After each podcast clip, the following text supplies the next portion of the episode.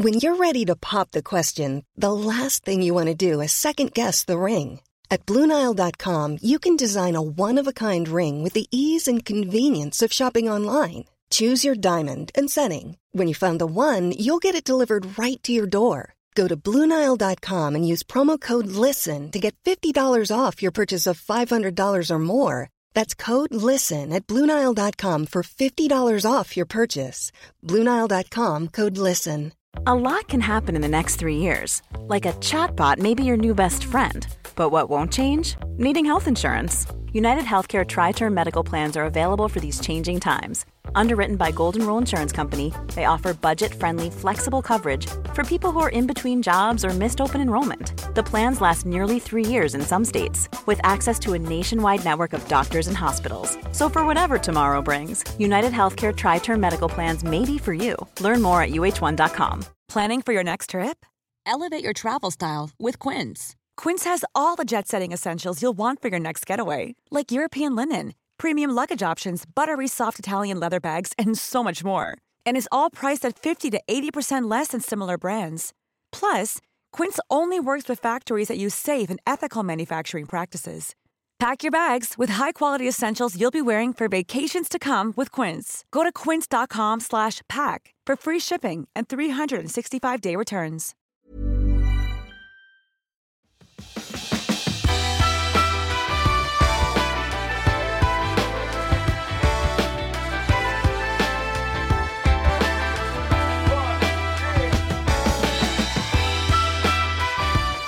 Och välkommen till Klimakteriepodden med mig, Åsa Melin. Jag har verkligen intresserat mig för blodsocker, eller snöat in på blodsocker. Egentligen så började det för många år sedan. I min familj så finns det det som förr kallades för sockersjuka. Det brukar man ju idag vanligtvis benämna som diabetes typ 2 eller ålderssocker kommer jag ihåg att man sa också. Min farmor hade det och eh, min känsla är att det missköttes ganska så ordentligt eftersom jag också kommer ihåg henne som en, en sån här kakbakande farmor.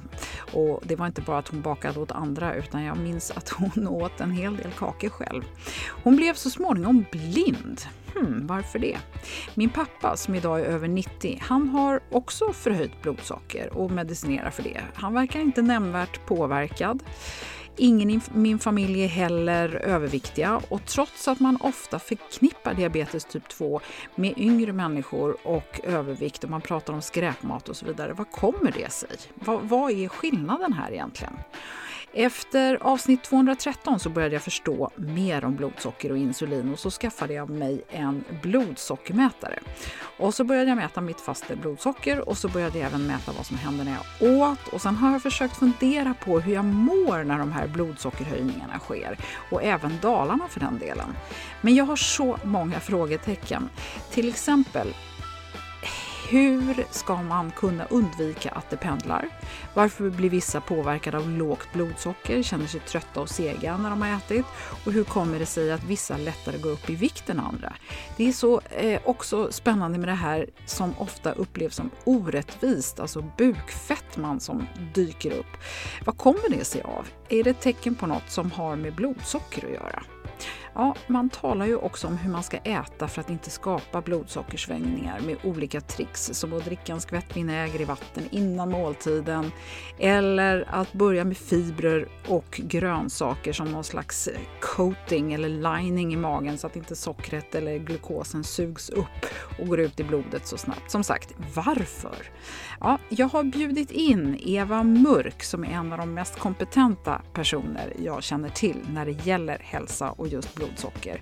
Och Eva hon ska hjälpa till att räta ut några av de här frågetecknen. Så välkommen att lyssna.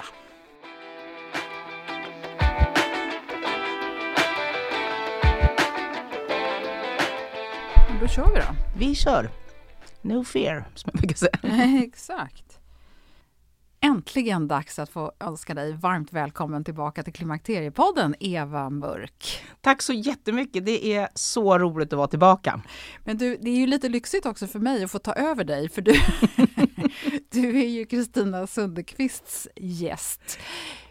Ja, jag har gästat eh, det några gånger, men det känns så roligt att få träffa dig här och prata om ett så spännande ämne också. Ja, det började ju egentligen med eh, de här avsnitten som Kristina har gjort som handlar mycket om socker och sötsug och hunger och sug och blodsocker och insulin. Det är framförallt avsnitt 213, 221 och 250. Och då har jag lite grann, som jag har berättat här i början, snöat in på det här med blodsocker och jag tror inte vi har riktigt pratat klart om det. Eh, för en sak som jag tycker är svårt att få grepp om, det är vad är det, varför skulle det vara bra att undvika svängande blodsocker och hur skapar man ett jämnt blodsocker och vad är det för liksom, vad är faran med det här egentligen? Eh, och så ska vi fokusera på vad blodsockerhöjning och sänkning ger för hormonella signaler. Eh, och så ska vi prata om varför farmor blev blind egentligen. Mm. Eh, så att, eh, ja men vi får se var vi hamnar lite grann Eva. det tycker jag låter bra. Det här är ett så stort ämne och det finns mycket vi kan penetrera inom det här ämnet. Ja, men eh, Eva du har ju en liten hisspitch om dig själv också. Visst har jag det. Det är jag som är då hälsoingenjören och det innebär att jag kombinerar min tekniska bakgrund bakgrund som civilingenjör från KTH då, med en gedigen utbildning inom näringslära, funktionsmedicin. Jag är också certifierad beroendeterapeut inom mat och socker. Mm. Och så är du, eh, vad jag tycker är häftigt är att du är involverad i väldigt många olika bolag som jobbar med hälsa på olika sätt. Ja, för fem år sedan så när jag då bestämde mig för att bli hälsoingenjören, då bestämde jag mig också för att hädanefter så ska jag bara investera, jobba och ägna all min energi till att eh, stödja företag som bekämpar livsstilssjukdomar och höja kunskapsnivån inom det här. Aha. Ja, men suveränt ju. du Eva, ska vi, var ska vi börja då tycker du? Ska vi prata om blodsocker, vad det är först? Ja, för att det har ju liksom senaste åren här, när jag skrev min bok för fem år sedan, så var det nästan ingen som hade hört talas om blodsockret. Men nu de senaste liksom, två åren märker jag att det har kommit ett enormt intresse för det här. Och jag förstår det, för att ett högt blodsocker och om överhuvudtaget att mäta sitt blodsocker, det säger väldigt, väldigt mycket om hur faktiskt ens energiförsörjning fungerar i kroppen. Det är ju så här att alla våra celler, vi består av 37,2 biljoner celler. Och alla våra celler, de behöver energi varenda sekund, livet ut. Och den här energin, det kan ju antingen vara då glukos, blodsockret, eller kan det vara fett. Så det man pratar om när man tittar på blodsockernivåer det är ju egentligen energiförsörjningen till våra celler. Och jag tror att det är därför vi tycker att det är väldigt intressant. För att alla vill vi ju ha så mycket energi det bara går. Utan att vi för den sakens skull får för mycket energi, för då vet vi att vi går upp i vikt och ja. det är ju få av oss som, som behöver. Precis, så att, att viktuppgång det är det första tecknet på, egentligen är det ju viktuppgång då runt magen. Det är det första tecknet på att ens ämnesomsättning alltså inte fungerar. Det är inget tecken på att du har blivit lat och karaktärslös, utan det är ett tecken på att maten du äter kan längre inte omsättas till energi till cellerna. Utan då måste du ta vägen någonstans eh, och då lagras det i form av fett.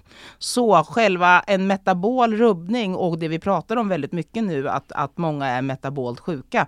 Det innebär att de har förlorat förmågan att omsätta det de äter till energi och då lagras det som fett på kroppen. Men istället. är det inte bara att man äter för mycket energi då? Nej, det är det det inte är. Känner inte du någon också som kan äta väldigt, väldigt mycket och inte gå upp ett gram? Jo. jo. Och en del kan typ titta på en kanelbulle, jag tillhör den kategorin, och känna att kilorna sätter sig. För det är nämligen så här att, att att alla människor behöver ju en viss eh, mängd energi för att driva runt eh, liksom sina, sina celler eller sin kropp. Men hur kroppen väljer, vad ska man liksom göra av, av energin? Det styrs ju av hormoner.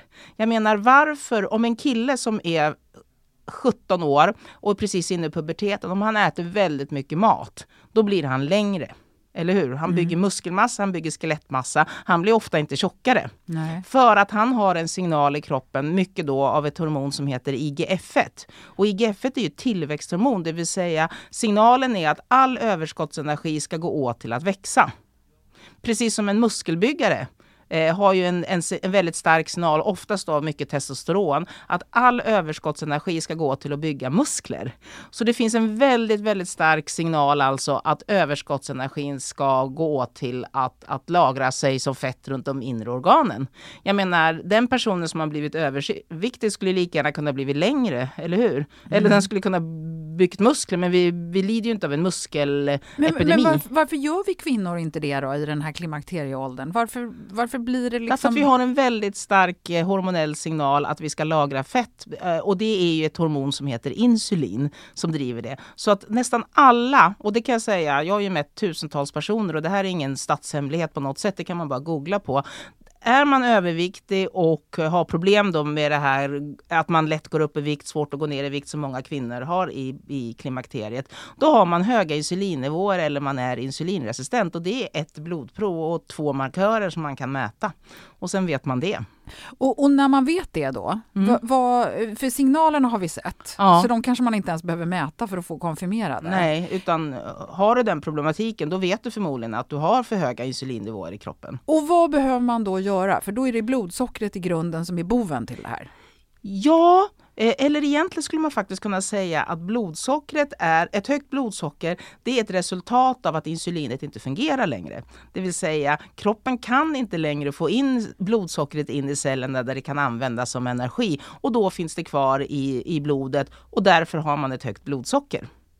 Om man har för mycket glukos då i blodet på grund av att kroppen inte har fått in det i cellerna där det används som energi, då är det väldigt farligt för kroppen. Alltså det är ungefär som du skulle kunna ta en flaskborste och så rispar du i dina blodådror. Lite så här risp, risp, risp, mm, risp. Mm, och då bildas ja. det liksom små, små inflammationer i hjärt och kärlväggarna. Och de här inflammationerna i hjärt och kärlväggarna, de, de vill ju inte kroppen ha. Och då skickar de ju dit kolesterol naturligtvis, för kolesterol är inflammationsdämpande. Och då kan ju de här minsta partiklarna, LDL, fastna i de här hjärt och kärlväggarna. Och där har du början till din eh, infarkt. Faktiskt. Så kroppen, det blir ju red alert. Om du äter väldigt mycket socker eller mat som innehåller glukos, då kommer det ju absolut ut i, i ditt blod. Men på friska människor så kan ju kroppen bara ta hand om det, det går in i cellerna och det används som energi. Men om, det, om man har den här rubbningen, då ligger det kvar. Och då har du höga blodsockernivåer som kroppen inte kan göra av med. Och då är det inflammationsdrivande.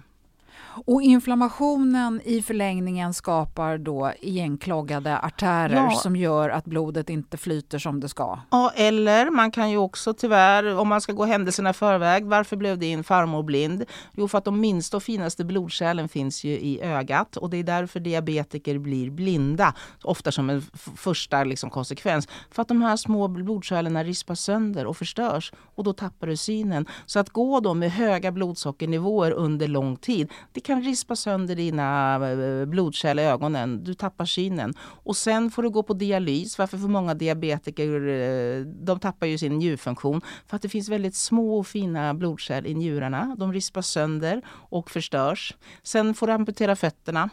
Därför att det finns väldigt små och fina blodkärl i fötterna som också rispas sönder. Så det är inte bara hjärt och kärlsjukdomarna alltså, utan du, du förstör din kropp med för höga blodsockernivåer under lång tid. Och, och i, när man har ett svajande blodsocker då, är det samma sak? Alltså om, om man nu har den här insulinomsättningsproblematiken, mm. betyder det att blodsockret ligger högt hela tiden eller svajar eller Nej, hur, liksom, hur det gör det faktiskt det inte. Utan det kan ju vara helt friska personer som egentligen då åt andra hållet är väldigt, väldigt insulinkänsliga. Jag vet inte, eh, Åsa, har du känt att du har fått ett blodsockerfall någon gång och liksom du har ätit kanske mycket, kanske inte nu för tiden, men förr i tiden, att du var sugen på någonting, du åt eh, ja, lite godis och sen två timmar senare så var du jättetrött och blev sugen igen. Mm, ja, känt... precis så jag kan uppleva. Att liksom trycker jag, ja. Och även nu, om jag trycker i mig en påse godis, jag blir trött. Jag blir inte pigg av det. Nej. Och det tror jag att du har du har celler som är väldigt, väldigt känsliga för insulin.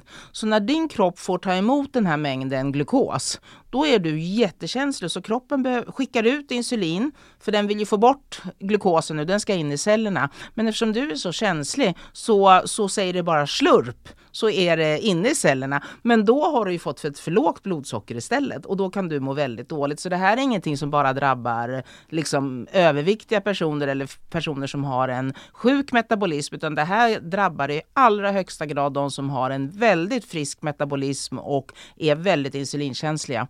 Och då mår man ju så mycket bättre genom att försöka hålla blodsockret på en jämn nivå för att inte stressa din kropp att driva upp den och skjuta ut mycket insulin och sen få den här eh, dippen.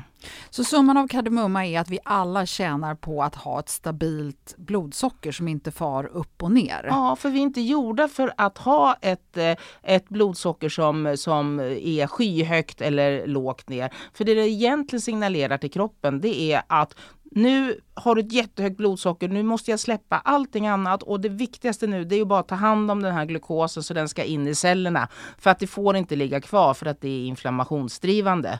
Och sen när du fått lågt blodsocker, då är ju högsta prio att få in energi för att då tror ju kroppen att den har energibrist.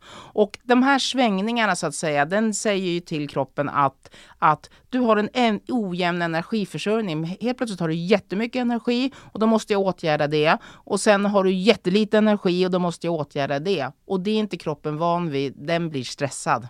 Men, men då, då, fattar inte jag, om jag äter den här påsen godis, nu, nu pratar vi om mig då, ja. jag vet att inte det här gäller alla, men då har jag ju massor med energi, varför blir jag trött då? Därför att sänkningen av blodsocker, blodsockret går in så snabbt i cellerna och kroppen ligger och känner av att blodsockernivån ska ligga på en, en jämn nivå. Och då får du en sån här dipp. Och då blir man trött och man blir energilös och du får också sug sen efter ett tag igen att du vill ha någonting energirikt. Eh, och, och hur löser man det här då? För jag tänker så här att jag eh, äter ju ganska mycket efter eh, den här 14, nu har jag hittat på för det passar mig, 14-10, det vill säga att jag äter inte på 14 av dygnets ja. timmar och, eh, då, och sen äter jag tre mål mat de andra ja. 10 timmarna. Det passar bra för mig. Då har jag ju ett lågt blodsocker på morgonen mm. när jag vaknar. Eh, och jag mår bra. Jag ja. kan springa på morgonen, vilket jag ju gillar att göra. Mm. Eh, jag har hög energi. Även, jag kan vara hungrig såklart sen, ja. men jag känner inget direkt behov. Men sen när jag börjar äta, då är det svårare för mig att inte fortsätta äta. Och nu vet inte jag hur mycket du, vad du äter på morgonen eller, eller någonting sånt där. Nej, eller hur mycket du driver upp. Vi behöver gå in på alla mina detaljer. Ja, precis. Nej, men, eh, men eh, äter du liksom en frukost som är, består mest av protein eller äter du mycket liksom kolhydrater i form av, ja du vet müsli, nej, frukt? Nej, ja frukt äter jag. Frukt och bär äter jag i och för sig, ja. men inte så mycket. Ja, men och yoghurt och lite frön och sådana saker. Men jag äter inte särskilt mycket protein. Nej, och då är ju det, då triggar ju det igång just att då innehåller den här maten till mestadels eh, glukos så att säga, eller det bryts ner till glukos i slutändan. Vilket gör att du får ju en bra energi naturligtvis från början. Men sen så är det ju förmodligen väldigt, din kropp fungerar väldigt bra så kroppen kan använda den där energin direkt. Och risken finns ju då att du får en liten dipp. Och bara att blodsockret då dippar lite grann, det är det som triggar liksom hungerkänslorna. Så det är nästan lättare ibland att, att eh, äta mat som inte driver upp blodsockret nästan någonting. Mm. För då får du den här jämna energiförsörjningen och det framkallar inte samma hungerkänslor. Så du skulle ju kunna prova att äta två ägg istället till frukost bara och se om det är någon skillnad. Ja men testa! Ja. Eh, men, men Eva, för de flesta så, så är det ju då tvärtom. Att man liksom känner sig energilös för att man kanske har för högt blodsocker. Eh, en, en generell nivå där det ligger lite för högt. Ja, och det man gör när man känner sig energilös det är egentligen att cellerna svälter svälter ju. För att du har, blodsockret ligger ju i blodet. Det, det är inte inne i, i, cellerna där det kan användas som energi. Och när, du då, och när man har de här höga blodsockernivåerna, då skjuter kroppen ut insulin. För den vill ju, insulinets roll är ju att hjälpa cellerna att ta in blodsockret in i, i, i cellerna. Så då har du också höga insulinnivåer, vilket gör att du har stängt av då fettförbränningen. Det vill säga så länge det finns energi i systemet, har du höga blodsockernivåer, då bränner du inte lagrat fett. Och då svälter du faktiskt på cellnivå för att du har energi i systemet men du kan inte använda det. Så man vill ha in det man äter i ja. cellerna så effektivt som möjligt. Ja. Och hur skapar man det då? Alltså det beror ju helt på hur, då, hur känslig kroppen är för insulin. En frisk person klarar av det men kan ju få de här dipparna istället. Jag skulle säga att man ska försöka äta mat ändå som, eh, som dels innehåller mer näring och det är ju proteinet. Äta proteinet först naturligtvis eftersom det gör att när magen är lite mer full då får man inte den här höga blodsockertoppen. Och sen inte äta det, det här sockret och processade maten som innehåller nästan bara ren energi mycket, mycket glukos. För då får man ju den här enorma piken. Att försöka äta mat som inte driver upp blodsockret så högt. Mm. Men när man inte har ätit på länge, mm. det är väl svårt att undvika att blodsockret inte... Alltså man vill ju ha ja, och det är inte lågt farligt. blodsocker då. Nej men alltså ett normalt blodsocker ligger ungefär mellan 4 till 6 millimol per liter. Det är ungefär 5 gram. Alltså 5 gram glukos det ska kroppen ha i, i systemet hela tiden. Och det tiden. plockar den själv ut ja, ur cellerna? Det, ja, ja det, finns, det finns lagrat. Det finns glykogen lagrat som sen då äh, släpps ut. Och äh, kroppen kan själv, levern kan själv tillverka glukos glukos om det skulle vara så också om man inte äter någonting. Så att vi blir aldrig utan glukos. Så att, så att, man vill inte svälta ner det för hårt. För, jag, för jag tänker på den här liksom, eh, när jag lyssnar på dig nu så känns det som att man borde äta lite, lite grann hela tiden, att det skulle vara det bästa. Nej, egentligen är det inte det heller. Det är lätt att tro det, men då är ju problemet att förmodligen kan man få ett högt jämnt blodsocker. Mm. Eh, och det är ju inte heller bra. Men ligger det, alltså det är viktigt att poängtera också, vi är gjorda för att få en blodsockerhöjning naturligtvis. Det är inte farligt på något sätt. Utan det som är farligt det är när vi liksom driver upp det kanske sju, åtta gånger om dagen. Vi belastar systemet, vi skapar den här hunger och suge eh, känslan som gör att vi börjar småäta ännu mer och vi blir insulinresistenta. Och där har vi liksom, och då, då har vi förlorat förmågan att, att, att använda den här energin. Men det är absolut absolut inte farligt att få en blodsockerhöjning ibland, liksom, om kroppen klarar av att ta hand om det. Det är vi helt eh, gjorda för. Men jag skulle säga att det är ungefär det man har sett att, att om du har ett blodsocker, säg att du har 5, precis normalt, det ligger på 5 millimol per liter när du börjar äta, då ska det inte stiga mer än upp till 7, alltså två stycken enheter. För börjar det stiga ännu mer, då är det en stress och en belastning på kroppen.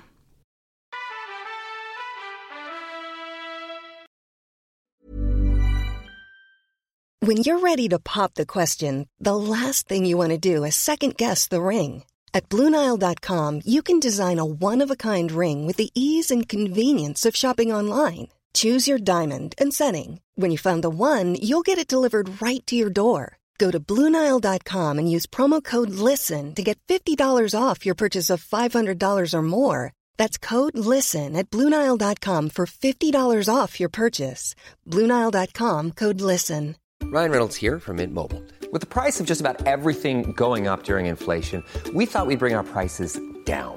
So to help us, we brought in a reverse auctioneer, which is apparently a thing.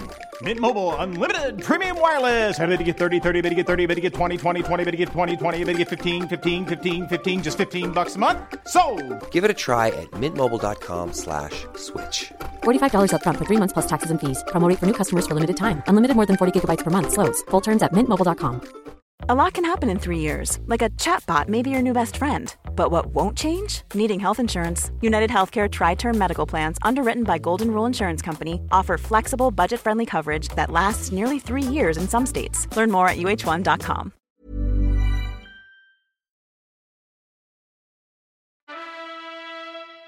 Och, och, om man då, som jag har experimenterat lite eller blir sugen på att experimentera med blodsockermätare, då ska man ju mäta då först som faste blodsocker på morgonen mm. och sen det är ju inte så fort jag stoppar första tuggan i munnen, utan hur mäter man sen då? Nej, man kan göra det på två sätt. Antingen kan man sticka sig i fingret och då, då finns det blodsockermätare. Det finns ju på apoteket och eh, lite överallt.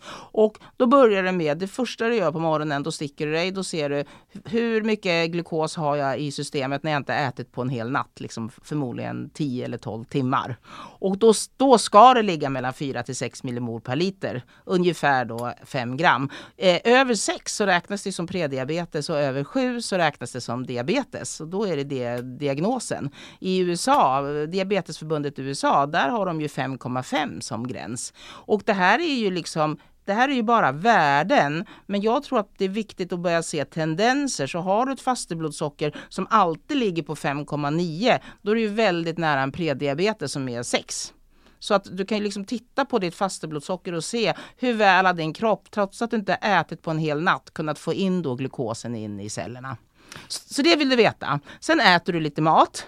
Eh, frukost. Sen mäter du, om du sticker i fingret, då mäter du ungefär en gång i kvarten i två timmar. Ja. För du är intresserad av när har du din högsta topp? Okej. Och när är du tillbaka på samma nivå som du var innan du började äta, alltså på ett fasteläge? För att Alltså efter- då ska jag tillbaka lika långt Ja. som jag var när jag vaknade? Precis. Det är det som är för hela grejen, för kroppen vill ligga där. Och om du inte får ner det, alltså nu menar jag ish, liksom, det är inte på, på tiondelen. Men om du, vi säger att du, du, du har fem när du vaknar och sen har du nio när du har ätit frukost. Eh, det är din högsta topp.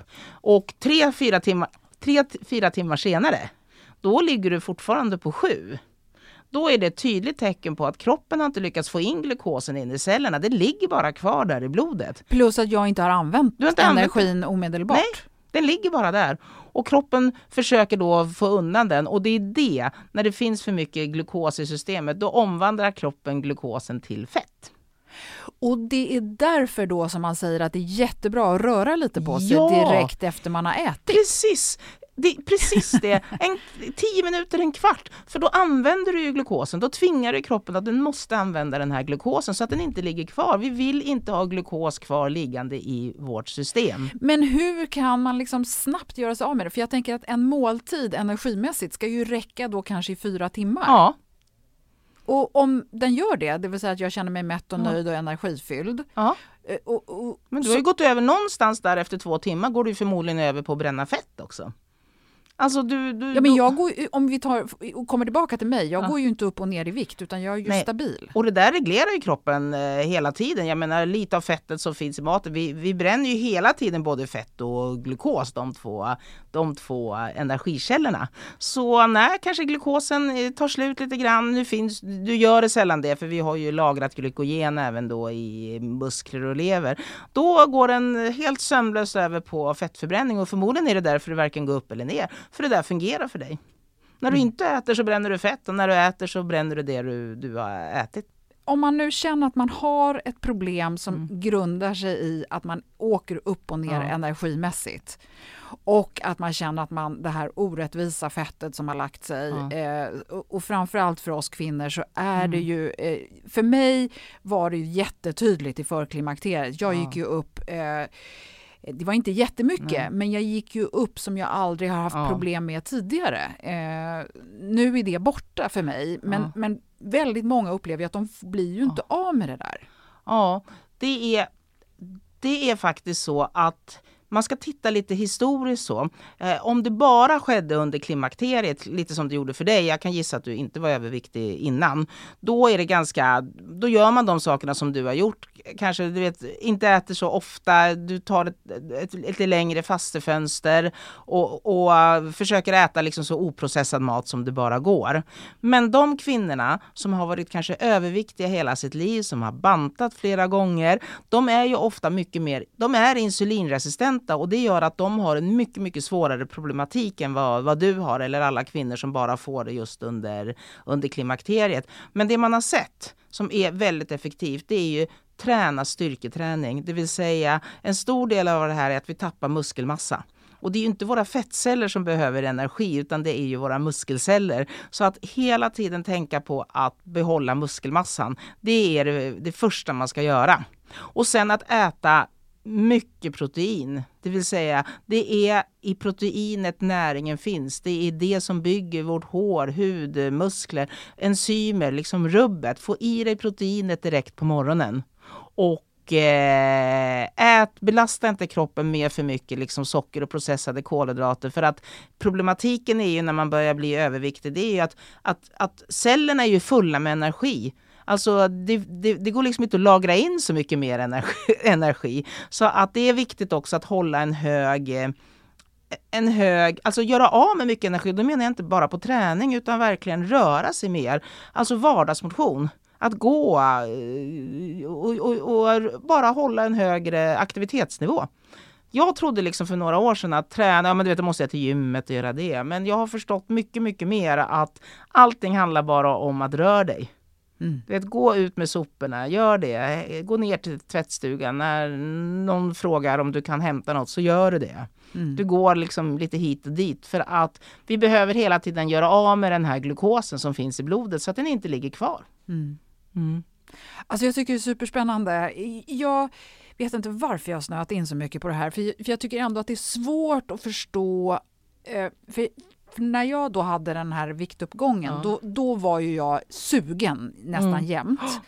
Eh, och jag gick och käkade, jag kommer så väl ihåg på, på jobbet, för det enda som fanns där det var frukt och det fanns knäckebröd oh. eh, och det var ju det jag åt. Så mm. att, eh, jag åt min typ havregrynsgröt på morgonen. Efter två timmar var jag superhungrig mm. och då käkade jag knäckemacka och sen så hann jag äta någon frukt och sen var det lunch ja. och då åt jag ju ofta en sallad eller så mm. hade jag med mig någon mat hemifrån som var kanske lite för lite, liksom ja. lite rester eller du vet sådär. Sen var jag hungrig igen vid tre, då var jag ju helt slut. Mm. Alltså halv tre, då hade jag pautkoma, det kunde man ju skratta åt. Då drack jag kaffe med mjölk och sen så när jag skulle åka hem från jobbet, då köpte jag en mm, Snickers eller något. Ja, precis. Och sen så åt jag middag, eller först så hällde jag då glatt i mig ett glas vin för att stressa ner för att ja. jag var så himla uppjagad generellt. Ja. Och sen så middag och sen liksom, eh, sen har jag aldrig varit en kvällsätare mm. men, men, men jag måste ju varit jättehög hela tiden. Hela tiden, du drev upp ditt blodsocker hela tiden och din kropp ägnade 70% av sin energi bara att ta hand om maten hela tiden.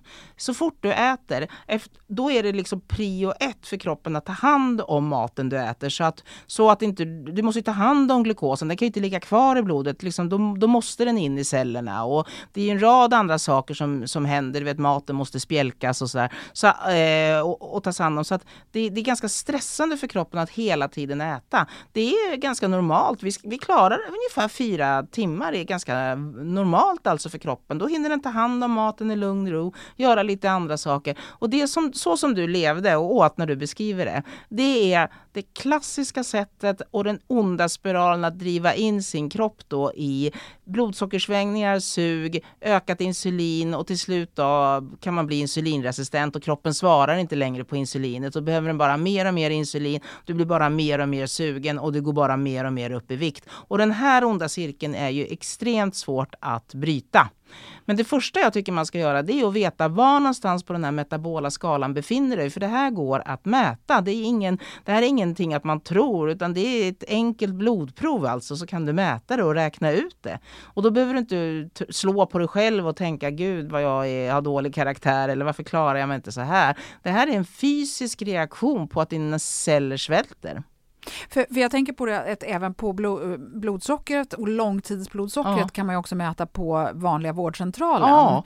Eh, och, så hur kan man göra det? I, du kan ju alltså historiskt veta hur ditt blodsocker har sett ut de senaste tre månaderna. Ja, och eh, att mäta liksom fasteblodsockret, det är ju ganska så här momentant och det kan påverka hur stressad du är, hur du sov, om du åt sent kvällen innan, om du har en infektion i kroppen. Då får du ett högre blodsocker. Så att tar du ett fasteblodsocker och så upptäcker du att det är 6,2, det betyder inte att du har prediabetes. Det kan lika gärna betyda att du är stressad, har sovit dåligt eller någonting sånt. Så att jag tycker att, eh, att det är viktigt att också titta på det här långtidsblodsockret som är oberoende av vad du gjorde dagen innan. Och eh, det är alltså ett medelblodsocker. Hur har man haft för medelblodsocker de senaste tre månaderna? Inklusive highs and lows? Ja, det är, därför man, det är därför man inte bara kan titta på den markören heller. För då vet du inte om du har haft jättehögt och jättelågt, då blir det ju lagom. Ja. Eh, ungefär som att har du handen på en varm platta och en kall platta, Mår du bra då? Kanske inte. Nej. Utan, och, Men det medlet var bra. Nej, det, det, så det behöver inte vara det. Så att det är liksom viktigt att titta på alla de här metabola markörerna, inte bara en. Så att fasteblodsockret är viktigt, långtidsblodsockret är viktigt, eh, insulinet är naturligtvis viktigt. Hur mycket insulin behöver du för att hålla ditt blodsocker i schack? Det är nästan det viktigaste. Du kan räkna ut din insulinresistens med hjälp av det. Du ska titta på dina blodfetter. Triglyceriderna säger också hur mycket energi finns det i blodet. Har du höga triglycerider som de varnar för, det är också ett bevis för att du har för mycket blodfetter. Du har, du har för mycket energi, du kan, kroppen kan inte göra av med det heller. Nej. Det är en energiförgiftning man lider av. Mm. Men, men Eva, tricket här då, både ja. för att ha ett jämnt blodsocker och för att eh, ja. få tillbaka en bra insulinreglering. Ja. Det är egentligen det här som du nämnde tidigare. Ge kroppen vila mellan måltiderna, inte äta mer än tre eller max fyra gånger per dag. Se till att du har en minst tio timmar, gärna längre, vilopaus under natten. 12 skulle jag säga. Så äter du liksom middag sent och du har ett sånt jobb, skjut på frukosten för kroppen behöver alltid 12 timmars vila på natten. Och om du ska bara göra, en enda eh, göra om en enda vana, eller egentligen är det två. Den första det är skippa kvällsmålet, alltså du vet om du blir sugen vid tio tiden på kvällen. Ja. För att det är nästan det sämsta målet för att då, då ska ju kroppen egentligen gå ner i viloläge. Du vet fettförbränningen ska trigga igång och du ska sova. Men om du har klämt i dig då, du vet mackor och grejer där på kvällen, då går din metabolism på full fart. då ägnar kroppen all energi åt att hålla på och smälta maten medan du sover och du får mycket sämre djupsömn. Och, och, och du, du, det är inte, du kickar aldrig igång den här fettförbränningen och du har för höga insulinnivåer. Så eh, inte äta, säg tre till fyra timmar innan du ska lägga dig. Det är en jätte, jättebra regel och många får otroligt bra resultat på det. Och sen när du börjar äta, då tänker du så här, vad är det din kropp behöver? Vad bygger din kropp? Jo, protein. Det vill säga, börja inte dagen med att, att äta mycket, mycket glukos för då får du de här svängningarna direkt. Mm. Utan, utan, Skippa frukt och müsli.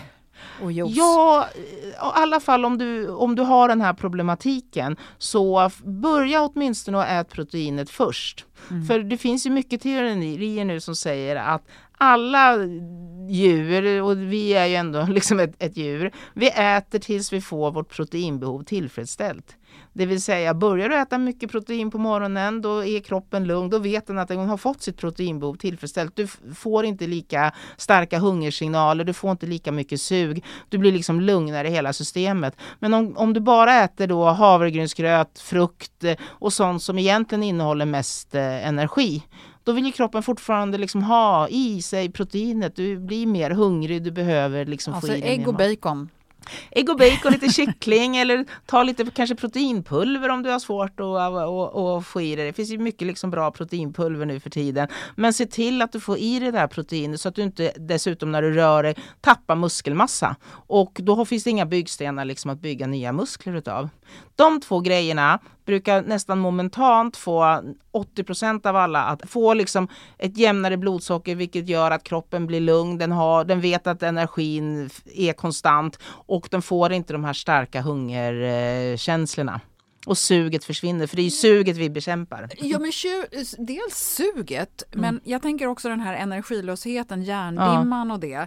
I, när vi då på något sätt lugna ner ja. hela systemet så kan hela systemet också vara optimerat. Ja, det optimeras. Det är den är gjord för från början. Det vi våra kroppar gör ju ingenting för att liksom jävlas med oss för att vara taskiga. Utan på något sätt så gör den ju allt hela tiden för att återställa systemet. Har man för höga blodsockernivåer då försöker den få in det i, i, i cellerna och då behövs det mer insulin. Och, och är det för mycket insulin så svarar inte cellerna på det, receptorerna längre och då, för den vill ha balans hela tiden det går om man gör rätt saker och förstår liksom sin kropp och sin biokemi och förstår hur sin blodsockerkurva ser ut. Hur känslig är man egentligen för kolhydrater? Eftersom det här är så individuellt. Vissa människor är inte lika känsliga som andra för, för de här eh, svängningarna helt enkelt. Och då måste du förstå din egen hälsa. Jag tycker att du mäter ditt blodsocker under kanske två veckor och eh, se hur kurvorna ser ut. Då ser du också svängningarna och försök undvika det. Men alla kroppar kan läka.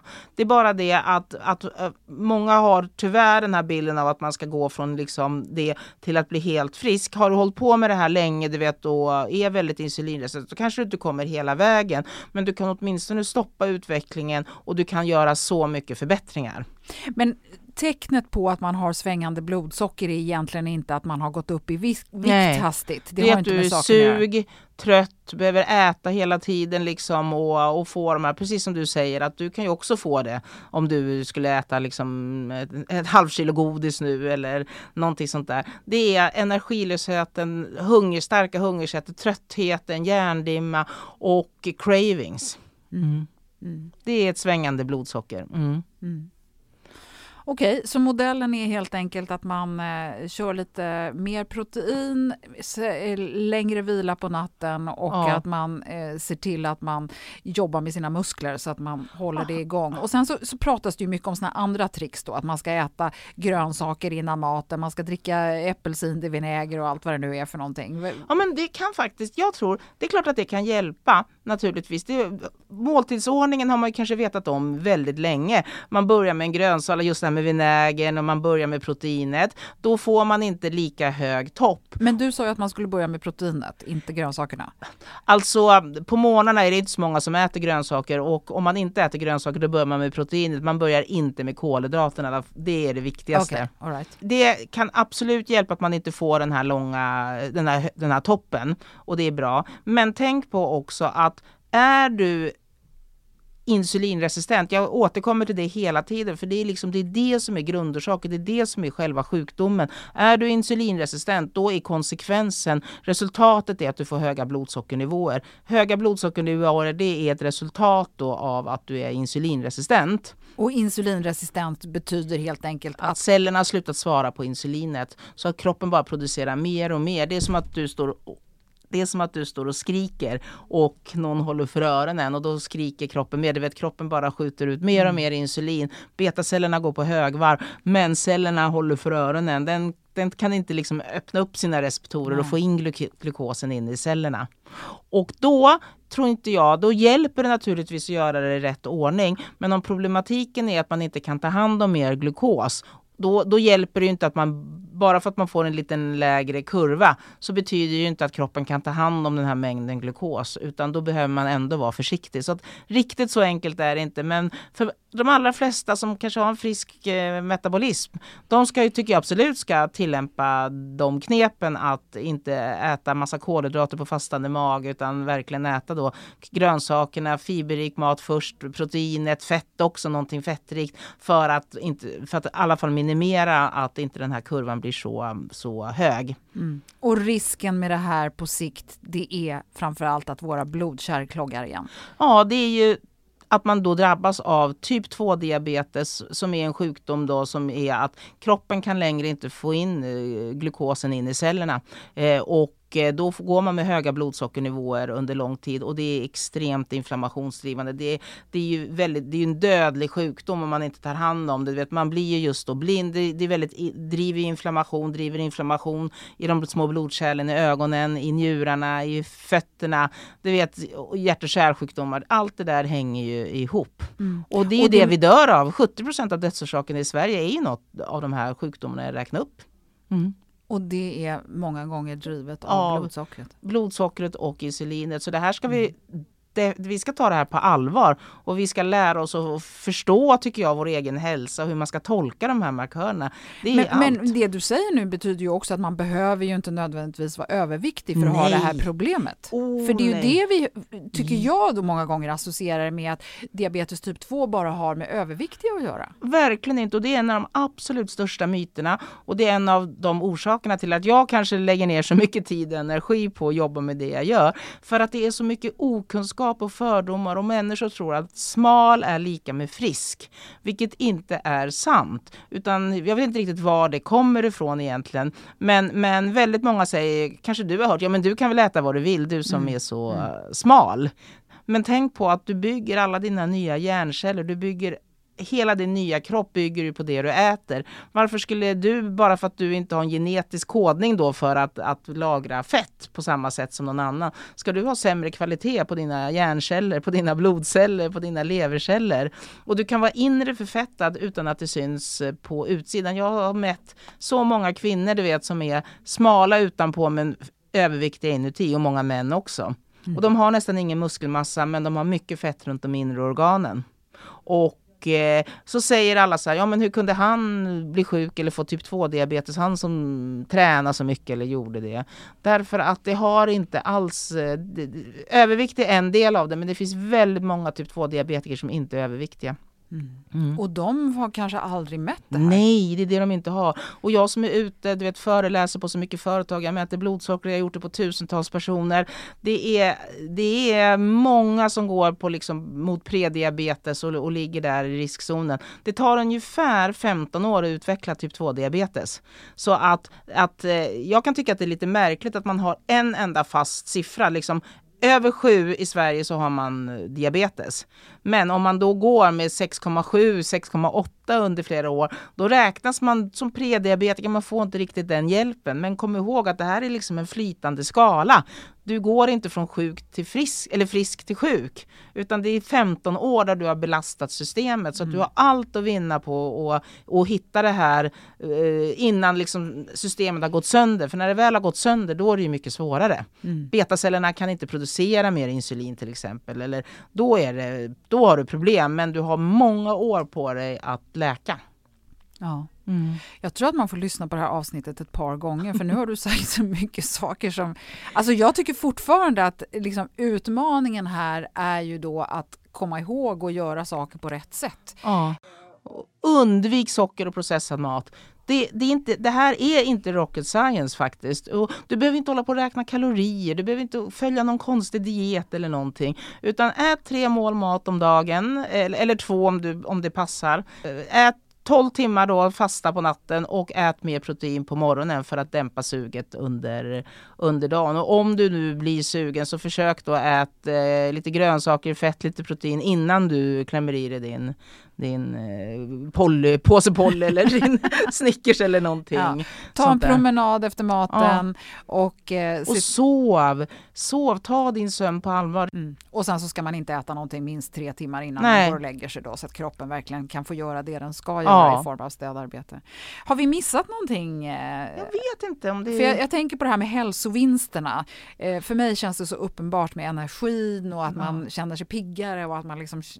Det, det tycker jag känns som tillräckligt men man kanske också Nej, behöver jag tänka tror på... att det här är liksom grunden för all hälsa. För om du inte kan energiförsörja dina celler, då dör du och blir sjuk. Du, du blir sjuk och dör och det är det vi dör av så att säga. Det är det som är, är dödsorsaken i Sverige. Det, det är ju någon av de här moderna livsstilssjukdomarna. Så att oavsett vilka andra hälsoproblem du har så måste du ändå börja med att säkerställa att din energiförsörjning fungerar, det vill säga att du kan omsätta det du äter till energi. Allt, livet börjar där och livet slutar där, för då dör vi när vi har förlorat den eh, förmågan. Så att även om du tänker att du ska börja träna, du vet att du ska göra andra saker, du har problem med magen. Om inte det, liksom en livsstilsförändring måste du påbörja mätt.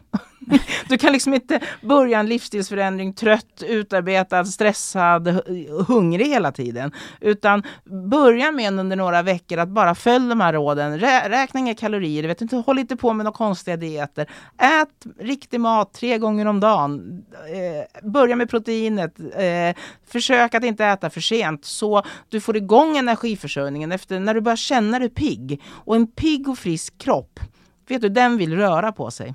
Mm det, det är så du märker det. När du börjar få igång energiförsörjningen då tänker du wow, det är inte jobbigt längre att gå till tunnelbanan eller resa upp och göra de här sakerna. En, en, en sjuk kropp orkar ju inte riktigt. Så att det är, ibland är inte grejen att man ska börja vrålträna när man ska göra en förändring utan det är faktiskt att få igång sin metabolism. Mm. Efter det, då är du mätt, du har energi. Då kan du ta tur med det andra. Mm. Bra, ja. Eva Mörk.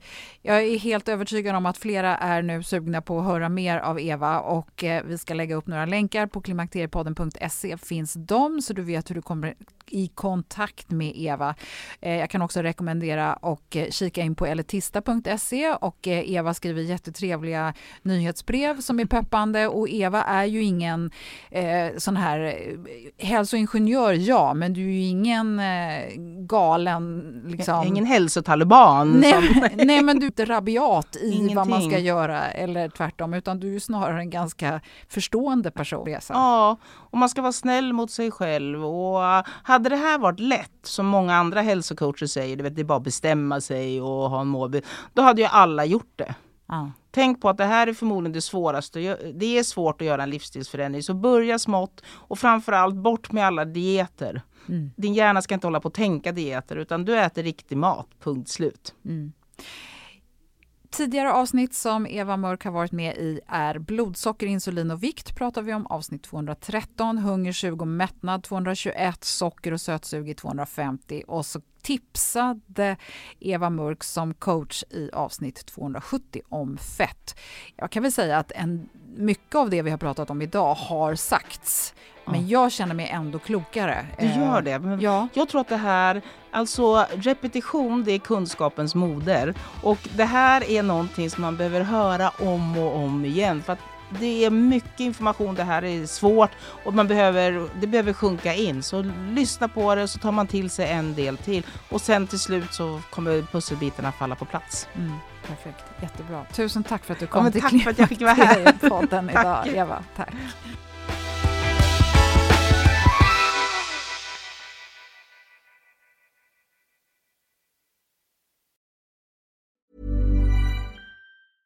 Planning for your next trip? Elevate your travel style with Quince. Quince has all the jet setting essentials you'll want for your next getaway, like European linen, premium luggage options, buttery soft Italian leather bags, and so much more. And is all priced at 50 to 80% less than similar brands. Plus, Quince only works with factories that use safe and ethical manufacturing practices. Pack your bags with high-quality essentials you'll be wearing for vacations to come with Quince. Go to quince.com/pack for free shipping and 365-day returns. Imagine the softest sheets you've ever felt. Now imagine them getting even softer over time. That's what you'll feel with Bowl and Branch's organic cotton sheets. In a recent customer survey, 96% replied that Bowl and Branch sheets get softer with every wash. Start getting your best night's sleep in these sheets that get softer and softer for years to come. Try their sheets with a 30-night guarantee. Plus, get 15% off your first order at bowlandbranch.com. Code BUTTERY. Exclusions apply. See site for details. Hi, I'm Daniel, founder of Pretty Litter. Cats and cat owners deserve better than any old-fashioned litter. That's why I teamed up with scientists and veterinarians to create Pretty Litter. Its innovative crystal formula has superior odor control and weighs up to 80% less than clay litter. Pretty Litter even monitors health by changing colors to help detect early signs of potential illness. It's the world's smartest kitty litter. Go to prettylitter.com and use code ACAST for 20% off your first order and a free cat toy. Terms and conditions apply. See site for details.